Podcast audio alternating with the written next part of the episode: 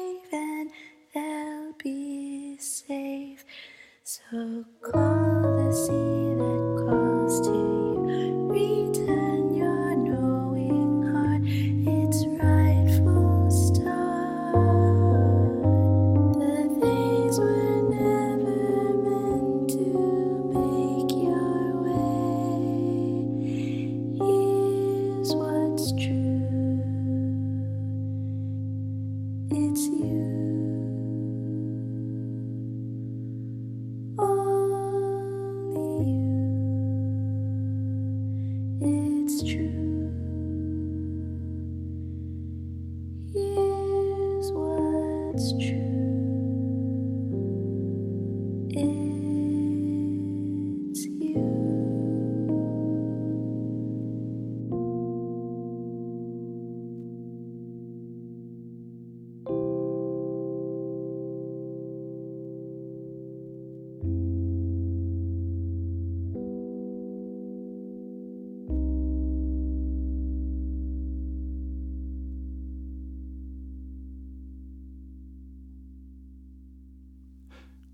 Áheyrindur verið hjartanlega velkomnir að hátalaranum á þennan viðkvæma stað á hverju siggrónu andartaki tónlistarinnar.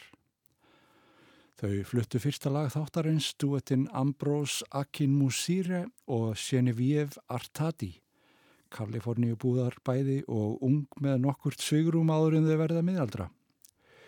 Það er ekki síst kynnslóðin sem þau tilera sem hefur alist upp við landamæraleysi tónlistarinnar Hún á áhugaverðar innkomur í popmusíkinni og hann hefur komið víða við, mest sem trompetleikari á mála hjá hennum nabbtóðu Blue Note útgáfu.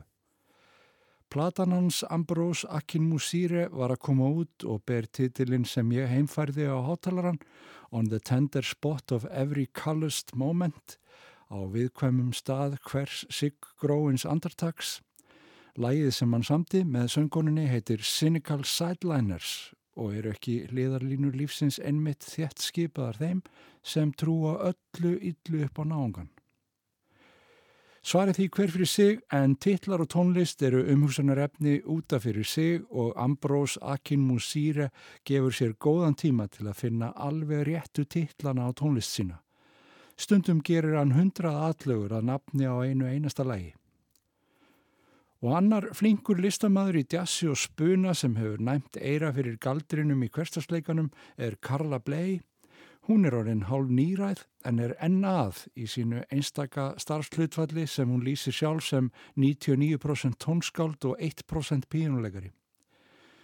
Þegar hún kom fyrst til New York í byrjun sjötta áratögarins vann hún fyrir sér við þjónustustörfi í Börlandklubnum og á milli þess sem hún seldi gestum síkaretur þá sannfarið hún tónlistarfólkið um að spila tónlistina sem hún var að semja.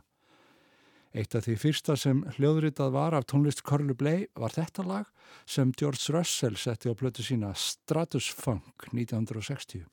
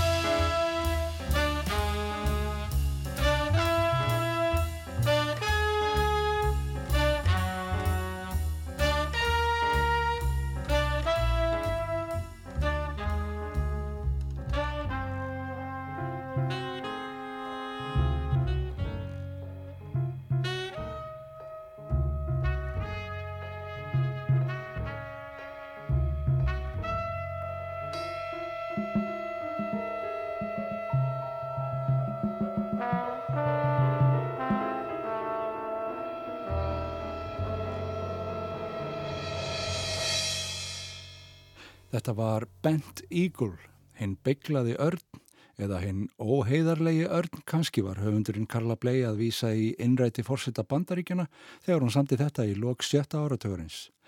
Í það minsta hefur hún farið háðulegum orðum um þann sem heldur upp í merkjum skalla arnarins í amerískri pólitík þessa dagana. Við hér á rás eitt erum að setja saman all nokkra dagskrá djastónleika hérðan og þaðan fyrir sumardagskrana og þess má geta að nýlegir tónleikar Tríos Körlublei eru meðal þess sem þar kemur við sögu. Á 50. kvöldi næsta sendum við út hljóðritun Tríosins frá Fassingklubnum í Stokkólmi og í næstu viku er það hinn levandi góðsögn bassarleiksins Ron Carter sem leiðir kvartett sinn á tónleikum á Póri djasáttíðin í Finnlandi. Og við skulum fá hér næst tóndæmi frá ungum saxofónleikara sem er einmitt meðlimur í Foresight kvartetti Rons Carter. Hann heitir Jimmy Green og var að senda frá sér plötuna While Looking Up.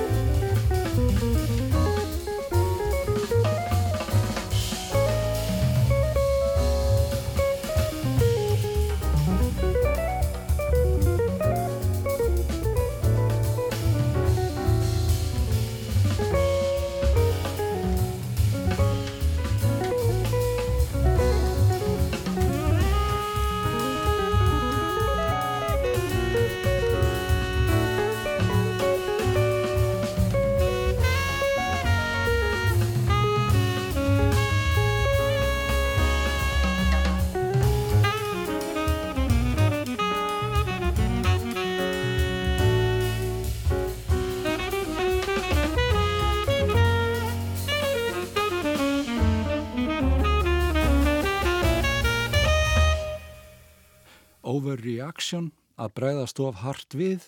Saxofónleikarinn Jimmy Green veit meira um óvænt viðbröð en hann kærir sig um. Hann var meðal þeirra foreldra sem átti börn í Sandy Hook skólanum í Connecticut þegar styrlaður bissumadur myrti þar 25 manns 2012.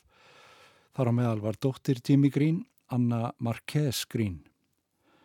Tónlistin hefur verið Jimmy Green mikilvægur vettangur til að gera upp floknar tilfinningar í kjölfar þess og nýja platan meðal annars tilenguð lífsgleði dótturinnar.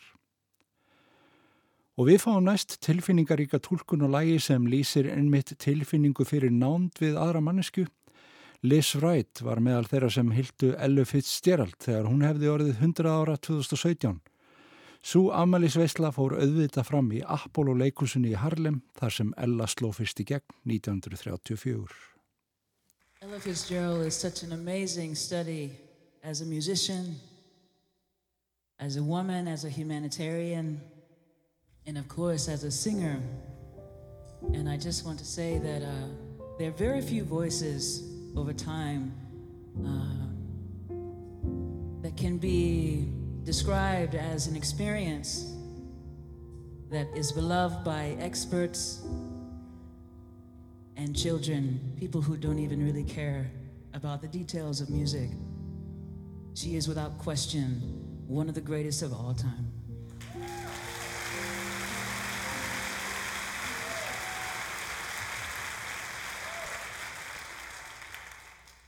It's not the pale moon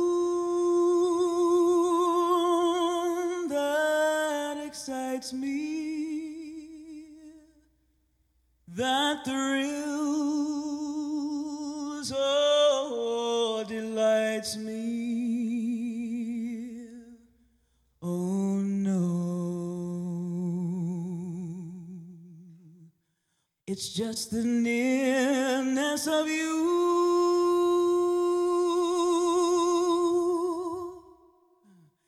It isn't your sweet conversation that brings this sensation. Oh no, it's just the nearness,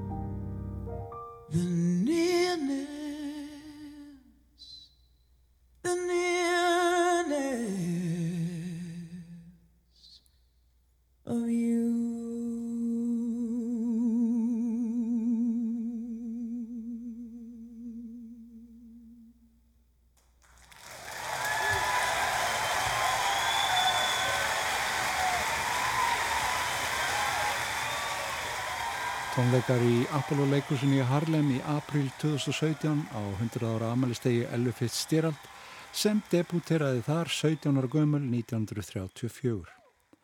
Söngunan Liz Wright flutti The Nearness of You eftir þá Hóki Carmichael og Ned Washington, einn allra fallegasta röttin í samtíma djassinum hér á ferðinni.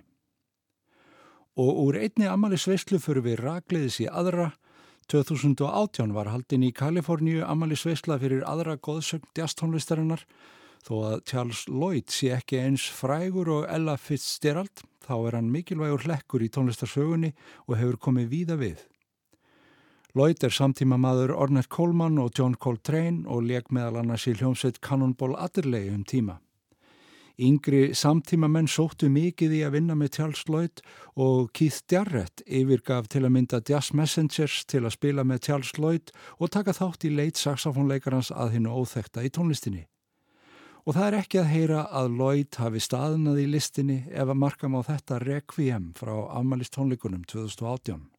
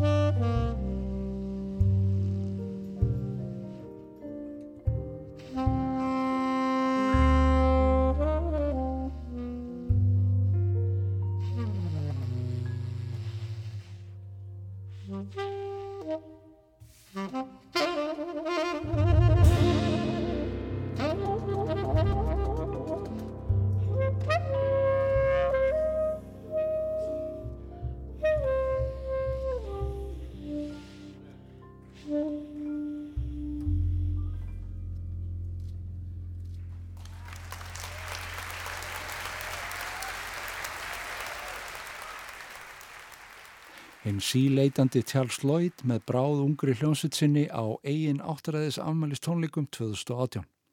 Þessi jazz sálumessa hans er meðal þess sem er nýkomið út á plötunni Kindred Spirits. Og þá fyrir við aftur á við Ambrose Akinmusire og heyrum hann nú leika á trompet eins og honum einum er lægið.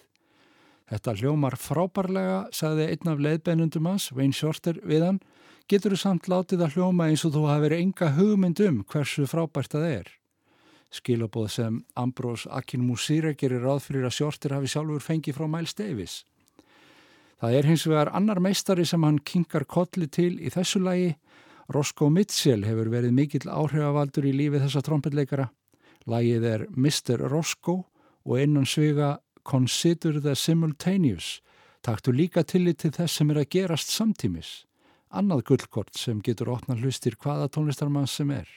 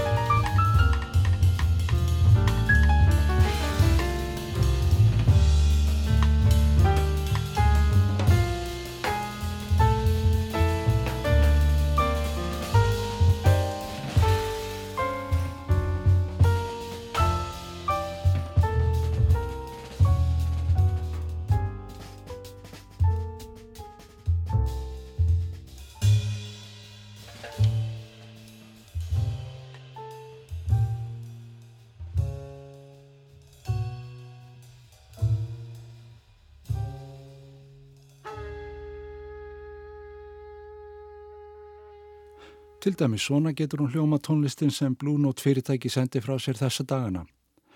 Ambrose Akinmusire er einn eftirtöktar verðasti trompetleikari samtímatjassins og sígur til sín áhrif hvaðan efa frá. Hann hefur til dæmis tekið þátt í tónleikaferðum rapparans Kendricks Lamar og hefði allt eins getað leðst yfir í rappdelt tónlistarlífsins ef Blue Note hefði ekki séð í honum mikilvægan fulltrúa þeirra sem líklegir eru til að endur nýja jazztónlistina.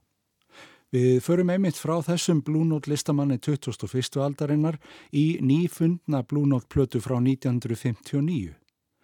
Just Coolin hétt hún platan sem Art Blakey spilaði inn með sínu mönnum í New Jersey í mars 1959. Nokkurum vikum síðar var sama hljónsitt hljóðrituð á tónleikum í Börlandklubnum og svo hljóðritun var gefin út á vinsalli plötu. Svo vinsalli reyndar að stúdi og hljóðritunin glemdist í 60 ár, en nú er hún komin út.